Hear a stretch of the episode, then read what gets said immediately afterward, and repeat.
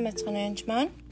За тэгэхээр та ямар нэгэн байдлаар сүнслэг бодол сүнсний давамтанд ч юм уу уушдаг шууд эзэмдүүлсэн ч юм уу тэрийг яаж мэдэх вэ гэдэг юм бол мэдээж тэрнээс чөлөөлөгдөх бол тийм ол хэцүү зүйл биш. Та өмнөх подкастуудыг сонсороо Есүс Христийн нэрний талаар болон энэ хүч чөлөөлөх хүч ханаас ирдэг вэ? Ямар их мэдлэлтэй талаар сайн сонсороо гэж бодож байна. Тэгэхээр эхний ээлжинд яг одоо дарамтлуулсан байгаа хэсгээ мэдхийн тулд өөрийнхөө төлөв байдлыг ажиллах хэрэгтэй. Тэгээд амжилтаа залбираа Иесусээ Иесусээ надад илчилж өгөөч, бодрон мос гэтлгээж надад илчилж өгөөч гэд хэлээрээ. Тэгээд ихэнхдээ ялгах явдал бол хамгийн түрүүч ихний зүйл энэ дарамт миний зан араншнаас болсон юм уу те одоо миний бие махбодын асуудал байна уу эсвэл яг сүнслэг дарамт байна уу гэдгийг мэдэх явдал маш чухал. Тэгэхээр энэ сүнслэг дарамт ч юм уу эсвэл одоо сүнслэг бузар сүнсний асуудал байх юм бол нэг чөлөөлөх ёстой. Тэгэхгүй бол та хичнээн хичээгээд махан дээр хичнээн хичээгээд одоо хичнээн мацаг бариад ч гэдэм үү энэ бүх зүйл арилдахгүй яг сүнсийг хөөх ёстой байдаг байгаа.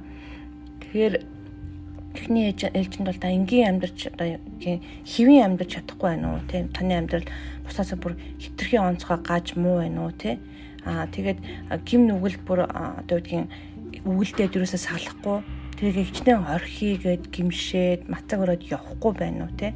А жишээлбэл одоо үгдгийн өөрийнхөө хүсээгүй зүйлийг хийгээд байна уу?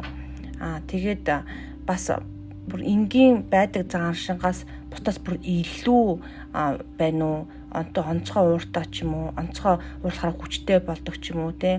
Онцгой гинт бүр бусдаас илүү залтай ч юм уу бусаас илүү ядардаг ч гэдэг юм уу те? Тэгэхээр яг таны мөн чанараас өөр за эн чинь байдаг л зөв штэ гэж боддог. Бүр анханасаа л тийм байсан штэ миний толгой дай байнга өвддөг штэ гэж хэлжсэн юм байсан те. Би хүний толгой байнга өвдөх нь буруу.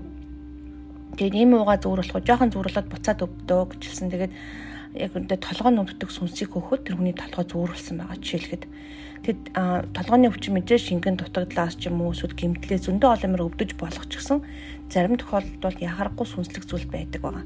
Тийм учраас толгой нь өвдөг бүх хүнс бузар сүнстэй гэж би хэлээгүй харин та сүнс ялгах хэрэгтэй эзнээс асуух хэрэгтэй гэж хэлж байна. Энэ бол бүр онцгой тийм зан аршин толботой бие махбод өвчтэй холбоотой зүйлсийг хэлж байна. Тэгээд сэтгэл хөдлөлийн бүр хит одоо сэтгэл хөдлөлтөө энгийн биш одоо жирийн хүнээс илүү огцом гинт уйлаал гинт одоо буруутгаал ч юм уу те бүр ингээд бүр савлуулад байгаа бол сүнслэг асуудал байгаа. Аа тэгээд ялангуяа гэр бүлээ салгах ч юм уу амьд амьдралаа ялангуяа гэрлээ гэрлэлтэд цуцлуулъя боснуулъя гэдэг анууд ихэнхдээ бодол сүнстэй холбоотой байдаг байгаа. Аа тэгээд байнгын осол аварт ордог хүмүүс байна. Байнга осолд ордог 7 10 удаа орсон төр гээл те. Тэгээл байнга хөлөө юм цогтөг ч юм уу тийм хүмүүс байна. Тэр нь бол яг сүнстэй холбоотой. Аа тэгээд санхүүгийн хувьд бүр онцгой дутагт дутагдaltaй, гүн дутагдaltaй дандаа юм яг болоо л гэхээр дандаа мөнгөний асуудалтай байх юм бол ямар хүлээс нь ямар сүнслэг дарамт вэ гэж хайх хэрэгтэй. Аа тэгээд дотоод бүр ингээд хит сэтгэл санаа буюу бие махбодын хит өвдөлтүүд бүр онцгой өвддөг бүр яг ингээд залбирах үед ч юм өвддөг тийм яа гэж оролдог хүмүүс бас байдаг байгаа. Аа тэгээд тайван биш ялангуяа өглөө босохдоо унтаж босч ирэхдээ дандаа одоо амраагүй босч ирдэг гэж хүнэлдэг. Тэгээд яг ерөөсөө амрахгүй юмд амардаггүй одоо тайван байж чаддаггүй байх юм бол ер нь ихэнхдээ сүнслэг юмтай холбоотой байгаа. Аа тэгээд мэдээж одоо сексийн гаж сексүүд байгаа өөрөө тэрийгэ болох гад болж чадахгүй ч гэх юм уу. А тэгээд заримдаа гинт юу болсоо мэдгүй транс буюу тийм юмд орчдөг нэгсэндээ юу болсоо мэдгүй гацдаг хүмүүс байгаа. Гинт хөдлөхгүй болчдөг, гинт гацдаг. Аа ингээд юу болсон бэ сая гэд тэгдэг хүмүүс байдаг байгаа. Тэгээд гинт бүр хүнээс илүү хүч гаргаад уурладаг. Одоо одоо юу гэдгийг бүр хүчтэй огцсон ууртай. Тэгээд ууралтандаа болоод зүг зүрээж одоо ууралтандаа аяг тавх шигтдэг ихнэр л угаан ерөөсөө ч уурлахааргүй хүн нэг уурлах юм ч гэсэн тийм хэцүү юм болоогүй зүгээр л энгийн одоо юу гэдгийг iPad олохгүй ч юм уу зүгээр л нэг жижигхэн ном хайсан чи хурдан хийхгүй байгаа жижиг юм дээр Тэгээд яг одоо бодис сүнсний тийм дарамтуудыг бас байнга ингээд чихэндээ сонсдог ч юм уу доош нь хийж идэг юм сонсдог.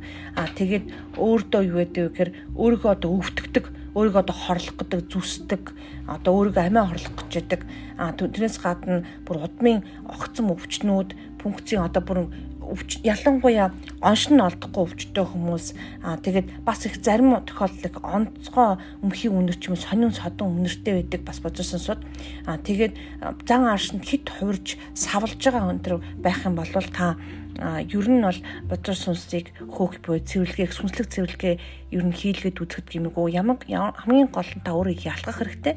Ялгах чадвар зөвхөн эзнээс ирдэг гэдгийг энэ дээр байгаа л одоо жишээлээ толгой нүгцэн болгон сүнстэй гэж би хэлээгүй шүү.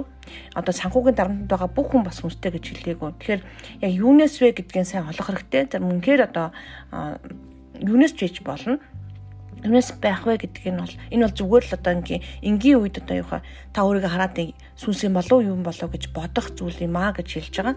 Тэгээд энэ дээр хамгийн гол нь бол ялгах чадвар чухал.